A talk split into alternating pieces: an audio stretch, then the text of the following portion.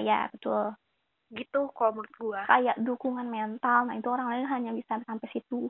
Iya. tapi untuk kayak kalau orang udah didukung secara mental kayak udah udah nyampe nih sebenarnya dukungannya. Tapi yang dirinya sendiri nggak mau nerima ya sama aja kan? Ya sama aja. Hmm. karena ini sih lu, lu paham gak sih dol? Banyak orang yang cerita yang curhat itu hanya mau didengar Hmm, parah sih. Gue juga kayaknya gue bahkan akhir-akhir ini ya ketemu eh deh Hmm. ketemu lagi. Masih lewat chat sih cuman kalau chat kalau nggak chat telepon memang rata-rata cuman kayak dengerin aja ya dengerin aja ya. Oke gitu. Kayak iya udah gitu. Gue Hmm. kayak oke gue nggak akan komen sih kalau emang minta didengerin aja. Kayak gitu kan. Nah, iya. Nah, itu tuh mereka sebenarnya kalau menurut gue, mereka bisa di tahap mereka tuh udah bisa sebenarnya tanpa mereka harus cerita sama orang lain, mereka tuh cerita sama diri sendiri, itu udah cukup. Mhm. Cuman karena mereka belum kenal sama diri mereka sendiri, mereka mungkin udah kenal sama diri mereka sendiri. Tapi mereka belum bisa berdamai. Jadi mereka cuma pengen orang lain denger tanpa ngasih solusi ke mereka gitu loh. Iya iya. Oke. Gue suka nih seru. Tapi yang gini, mengacu dari semua ini ya, selain tadi secara universal dan lain-lain. Eh, kita beralih ke orang-orang yang umurnya udah jauh gitu di atas kita ya. Mm-mm. Bahkan orang tua atau mungkin ya udah bukan orang tua sendiri, mungkin orang orang tua dalam tanda kutip orang dewasa ya. Iya. Itu kan mungkin kayak ngelihat anak-anak kayak "Cih, anak-anak ngapain sih kayak gini-gini misalkan kayak gitu ya sementara apakah di umur umur mereka yang dewasa seperti itu mereka nggak akan nyampe ke tahap toksik dalam arti kayak gue gue sendiri ya kayak ngelihat sama sama halnya sih sosial atau apa. Ada contoh-contoh perilaku orang tua yang juga bikin anaknya yang tadi itu tadi. Jadi mungkin sebenarnya orang tua tuh nggak sadar kalau dia tuh juga mempengaruhi anaknya sebagai pribadi yang eh, nggak bisa menyayangi orang lain tadi yang lu bilang.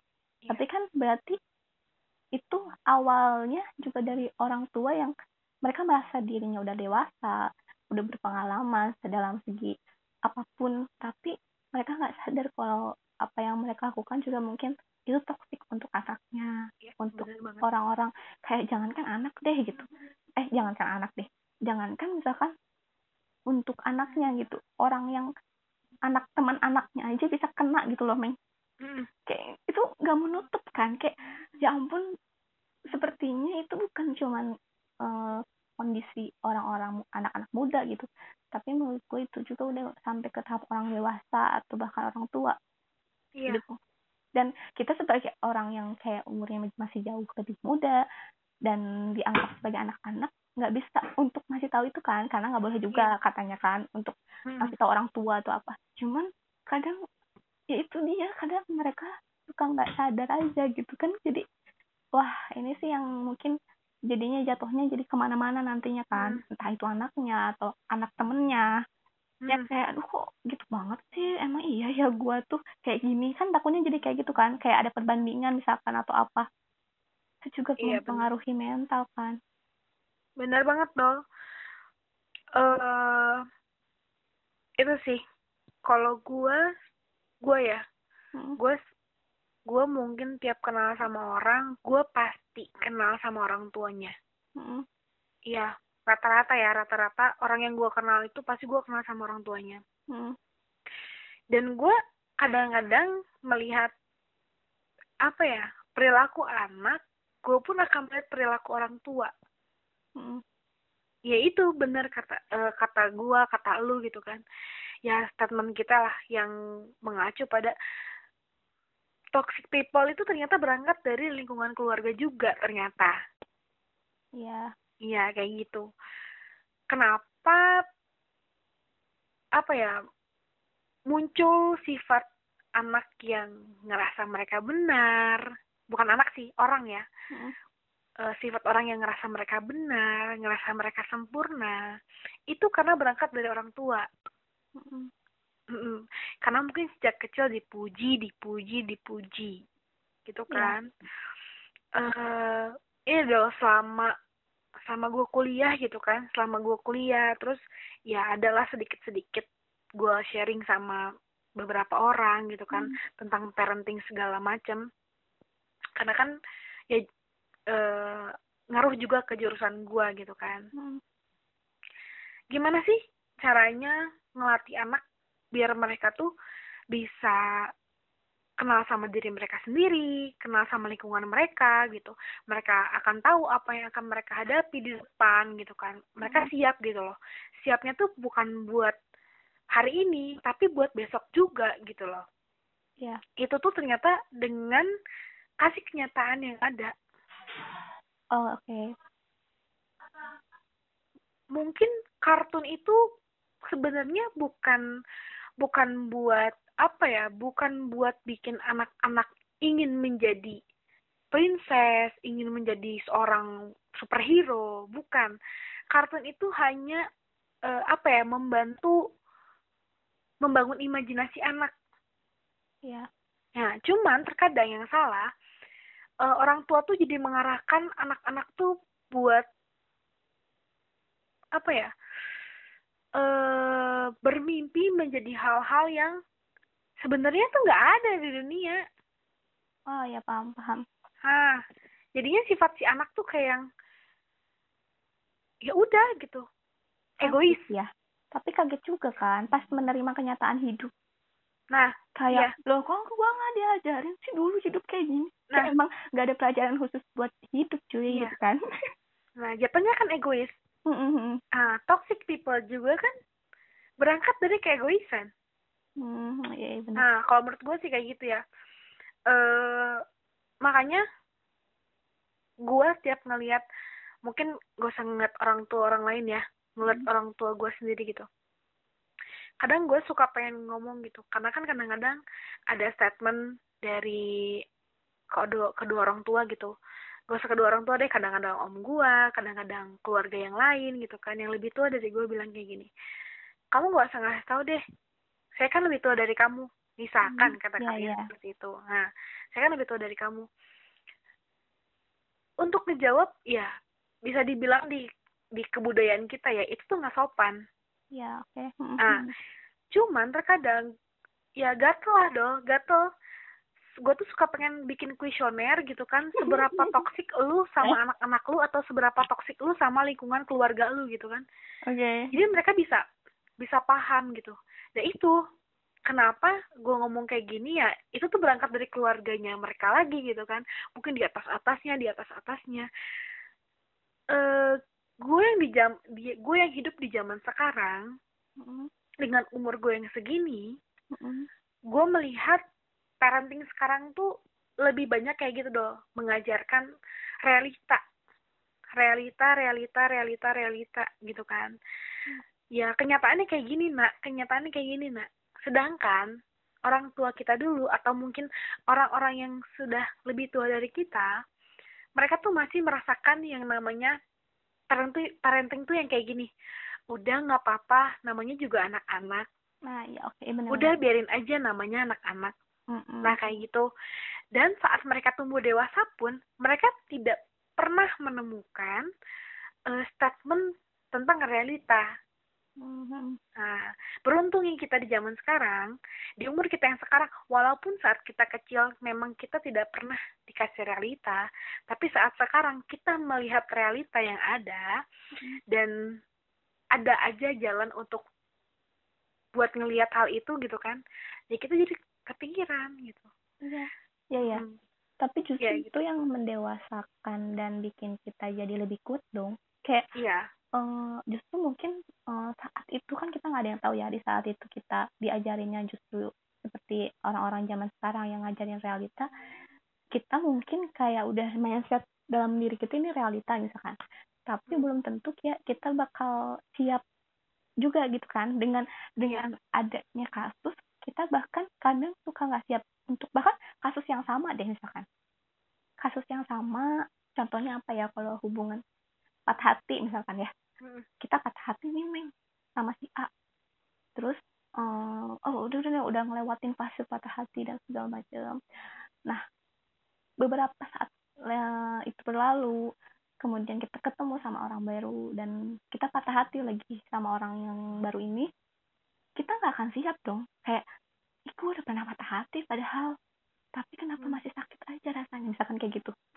Nah menurut gue juga di saat-saat kayak gitu realita itu itu juga nggak bikin kita siap untuk hadepin masalah ya kan kayak Hmm. memang eh, dasarnya ada tapi untuk prakteknya tetap itu bakal tetap dijalanin pas kita udah ngelewatin banyak hal kan Iya. iya dan kalau untuk yang lu bilang orang dewasa yang tadi dalam segi keluarga gue juga pengen bilang orang dewasa yang dalam segi lingkup eh, pekerjaan misalkan atau orang-orang sekitar nih gue sampai pernah ada di titik duh gila tiap bangun pagi tuh rasanya kayak males banget. Kayak aduh gue kayak bukan nggak mau kerjanya sih kayak males aja nih ketemu sama orang yang mempengaruhi banget mood gue ngebikin gue down nge-push gue banyak hal dan orang itu nggak pernah sadar kalau dia tuh toxic. Sementara ketika lepas tuh rasanya enjoy banget gitu. Meskipun eh, tuntutan pekerjaan masih tetap ada. Tapi ketika lepas dari orang itu orang yang mungkin tadinya bikin kita kayak ngerasa nggak baik-baik aja yang lu bilang kesel sampai ke mental tuh ini malah sampai ke mental gitu. Nah ketika Iya. udah lepas rasanya tuh benar-benar gak se-enjoy enjoynya gitu.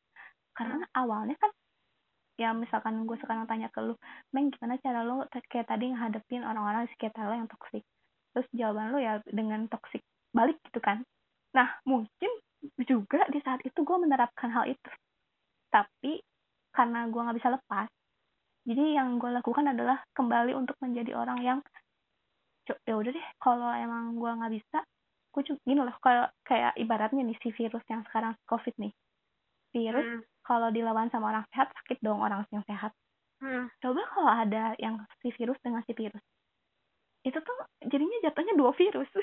Iya. Iya kan? Tapi nggak akan ada yang sama-sama sakit karena itu maksud gue jadi mungkin di saat itu awalnya gue kayak wah down banget deh gue kayak oh gila gila gila gitu. Tapi di saat gue udah mulai beradaptasi dengan orang ini kayak aduh oke berarti cara gue yang salah. Gue yang harus beradaptasi juga gue yang harus menyesuaikan dan di saat itu gue bisa menerima meng kayak gue mulai ada perubahan ada perubahan ada Iya. perubahan sampai akhirnya lepas gitu bebannya lepas orangnya pun lepas guanya juga lepas gitu Iya. kayak oh ini ternyata memang salah satu hal yang bisa bikin kita kembali sehat dalam tanda kutip adalah terlepas dari orang yang toksik ini gitu kan Iya. makanya ini tuh bener-bener se- sepengaruh itu orang yang toksik dalam hidup kita kalau kitanya memang nggak bisa pergi gitu aja loh gitu meng Hmm, Iya, tapi bener kan berarti ternyata toxic itu gimana menurut lu kan? iya betul Iya, saat lu bilang orang itu toxic, ya lu kan ngerasa toxic terus-terusan. Tapi saat lu bilang, oh ya udah deh, gue aja yang beradaptasi, Mm-mm. dan lu bakal bakal bilang, oh iya, iya sih emang orang itu nggak toxic sama gue. Bakal seketika ngomong kayak gitu.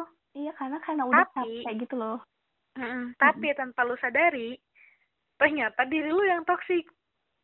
iya iya karena gue Iya, juga kayak oh. Bukan buat orang lain tapi buat diri sendiri. Buat diri lu sendiri. Itu maksud gua. Ternyata Iya, kan iya. toxic people itu juga nggak harus perlakuan lu sama orang lain. Iya betul. Iya ternyata toxic itu bisa juga perlakuan lu sama diri lu sendiri kayak gitu. Iya, karena gue ngerasa kayak di saat gue sehat itu, gue ngerasa sakit banget kan, karena nggak bisa nerimain orang tersebut eh, dalam di lingkungan gue gitu. Tapi ketika gue mencoba nerima, ternyata gue sengaja memasukkan itu ke dalam diri gue gitu kan, yang maksudnya. Hmm, Ya karena, ya gimana dong cuy gitu. Iya gak ada pilihan lain selain itu. Kayak gue harus harus kasih pilihan dalam hidup yang kayak itu dia, gak ada pelajarannya. Apa Ah, yang iya. mesti gue pilih dalam hidup ini agar gue tetap terkadang ya itu terkadang kita tuh butuh toxic gitu lah emang sih iya makanya tapi terkadang gue suka loh dong ada di lingkungan toxic karena? Karena eh gak tau kenapa ya gue tuh selalu bisa punya apa ya gue selalu bisa mengekspresikan diri gue terhadap hal-hal toksik. Maksud gue kayak gini saat gue ada di lingkungan toksik itu tuh bisa jadi bahan pikiran gue bercandaan gue buat diri gue sendiri buat menghibur diri gue sendiri saat gue sendiri. Paham gak lu? Hiburan saat lo sendiri. Uh jadi bahan buat gua ngobrol sama diri gua sendiri. Oh ternyata tuh orangnya itu kayak gini gini Oh. gitu ya? Nah, kayak gitu. Hah, Hmm. jadi gue seneng. Gue seneng banget ada di lingkungan yang kayak gitu. Oke. Cuman eh gue pengen ini doh eh, balik lagi ke hal yang tadi loh tentang realita sama ya tentang orang tua lah gitu Mm-mm. yang tentang realita segala macam. Zaman sekarang kan gitu ya banyak orang yang bilang eh orang tua tuh harusnya kayak gini lebih gini gini gini gini gini. Banyak lah istilahnya banyak orang yang eh meluruskan hal-hal yang mungkin biasanya orang lain orang tua lakukan itu salah gitu. Paham gak sih ngomongnya belibet kali melur- meluruskan apa yang eh, orang tua jadi membenarkan maksudnya?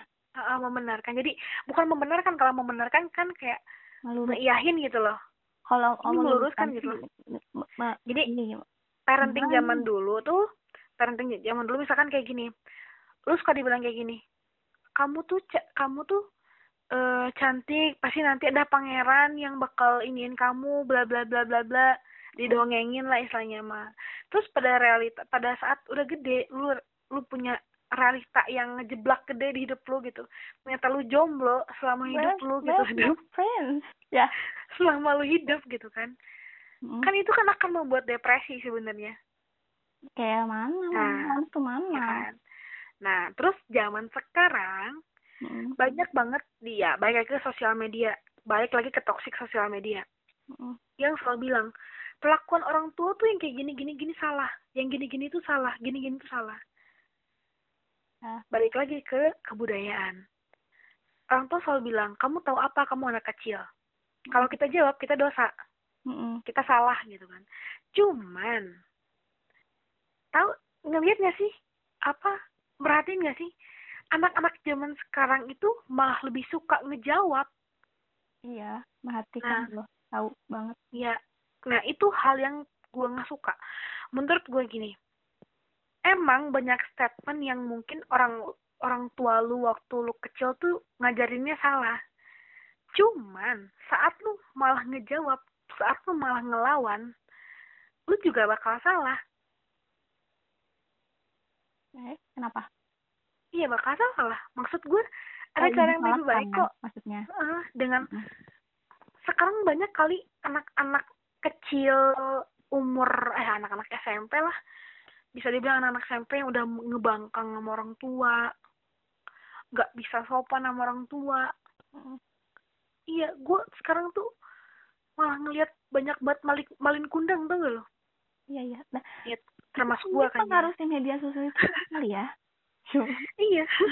Iya ya itu sih menurut gua kayak eh perlakuan mahasiswa mahasiswa sama dosen itu menurut gua udah banyak yang tidak apa ya tidak ada sopan sopannya lah gitu Mm. Mm, maksud gua kita tuh cukup tahu cukup tahu tapi tetap ada batas Yap. kita tuh tahu eh, bukan cukup tahu kita tuh tahu tapi tetap ada batas gitu loh oh tau lo Mm. gue baru aja bikin eh, tweet ya tadi gitu Eh, tadi lah jam berapa Mm. nah gue salah satunya adalah bilang gini gimana pun kita eh, yang penting itu adalah tetap bersikap sopan dan profesional. Nah. Maksudnya kayak apa pun yang dihadapin ya kayak emang pengennya gitu pengennya ngelawan pengennya ngomong kasar misalkan. Tapi lihat dong sama siapa. Nah, itu. Misalkan Manner. gitu kan. Manner ya.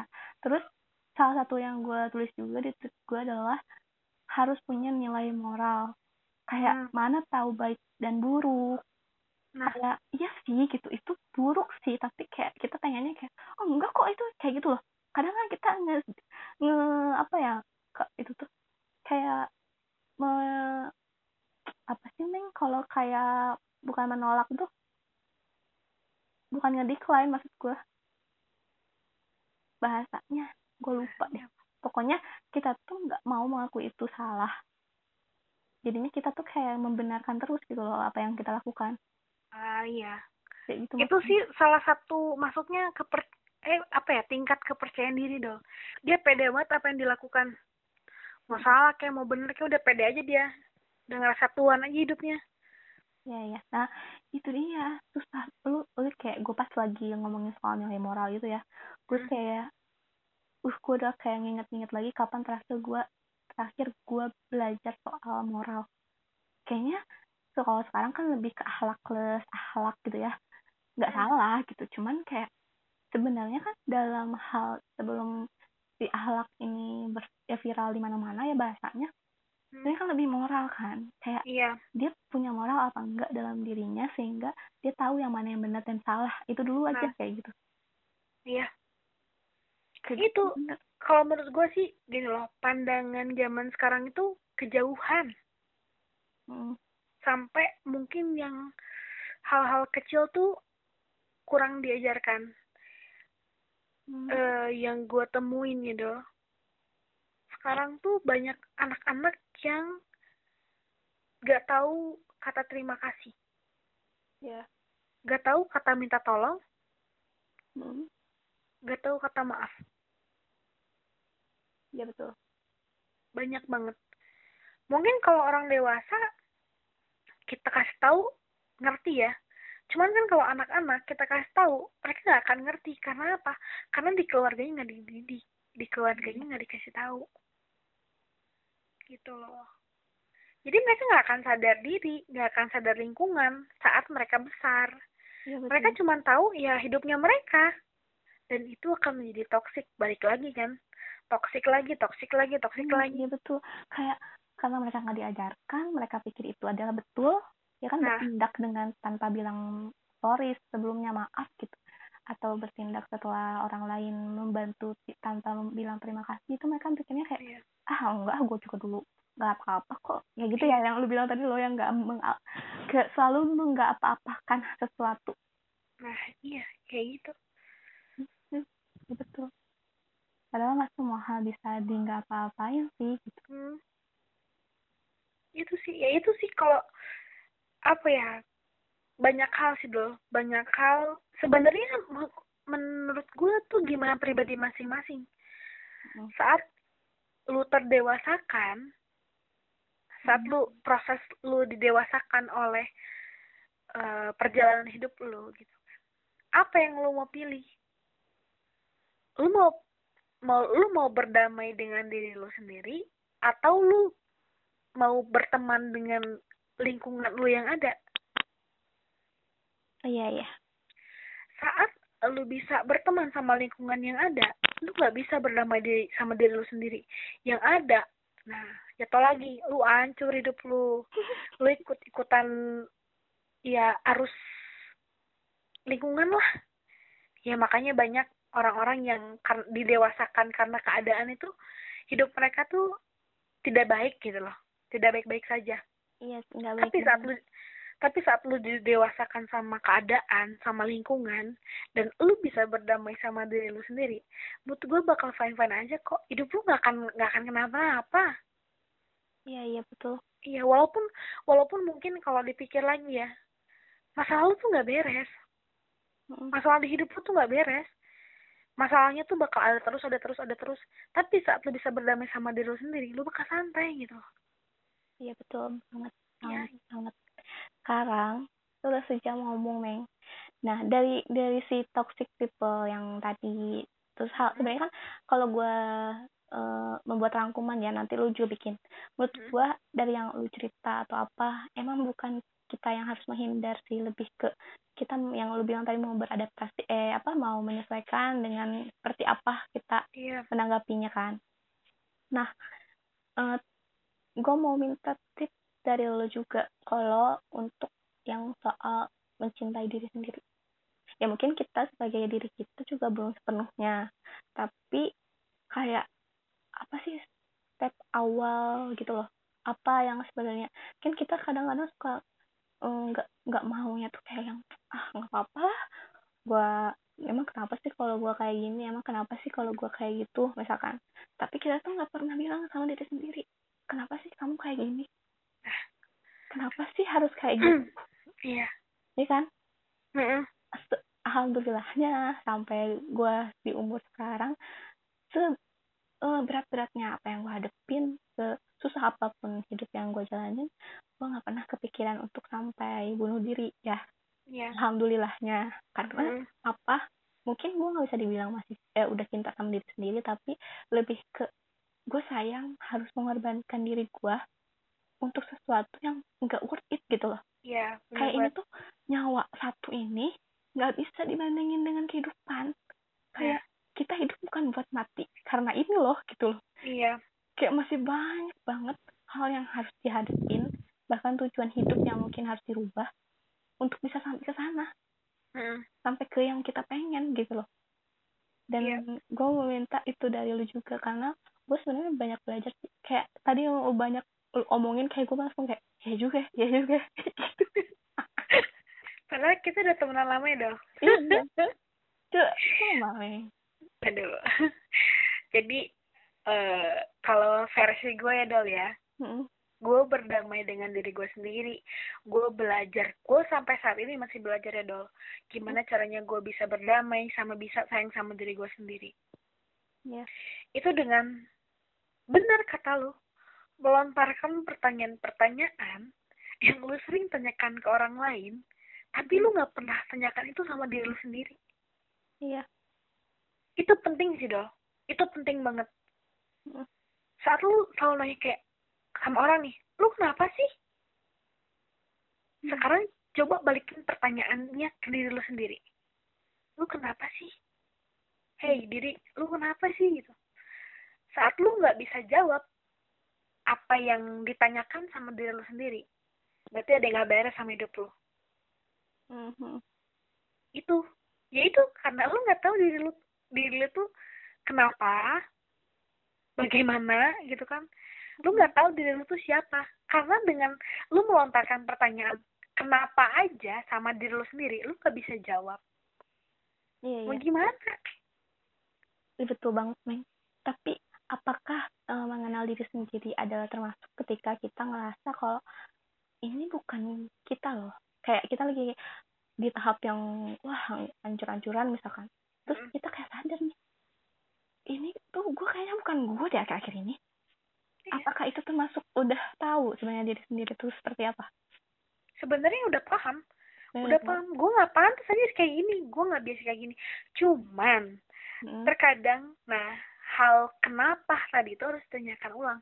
Karena terkadang saat orang bilang, gue kenapa sih, gue kenapa sih, Mm. kayaknya bukan gue deh. Itu tuh itu tuh bukan bentuk apa ya, bukan bentuk eh, berdamai sama diri sendiri, malah mereka tuh menekan diri diri mereka sendiri untuk menjadi hal yang mungkin lebih jauh dari apa yang sebenarnya terjadi gitu loh. oh iya iya paham gue Heeh. Jadi membuang gitu. Makanya kadang-kadang ya saat saat eh, saat kita gitu menyadari kayaknya bukan gue deh ini. Ya kembali lagi tanyakan lagi sama diri kamu. Memangnya kamu tuh harusnya seperti apa gitu. Mhm. Kayak gitu dong.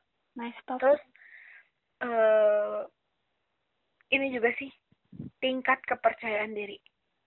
Mm. Gila sih kalau buat pede gue kayaknya angkat tangan deh Nah, gue kayak Saat lu- banget saat lu tiba-tiba nih jadi kita tuh bisa ken bisa tahu kalau orang itu kenal nggak sih sama dirinya? Atau enggak gitu? Atau enggak dia tuh udah berdamai belum sih sama dirinya? Kalau menurut gue ya ini versi gue itu dengan kepercayaan diri dia. Oke. Jadi gini dia bisa tiba-tiba aja nggak pede sama sekali. Tapi tiba-tiba aja dia bisa dengan pedenya membangga-banggakan dirinya. Padahal misalkan 10 menit yang lalu dia habis menjatuhkan dirinya oke oke. Itu menurut gue ciri orang yang belum bisa berdamai. Karena apa? Karena dia cuman pengen eh, apa ya? Dia cuman pengen ngeluarin apa yang pengen dia keluarin. Mhm. bukan jadi dirinya yang apa adanya. iya iya. Nah, terus jadi orang yang kepedean dan selalu ngerasa dirinya sempurna juga itu gak baik loh. Mhm. Mm. Jadi mungkin orang selalu bilang kayak yang apa apa lu harus sering puji-puji diri lu sendiri segala macam itu nggak baik juga buat diri lu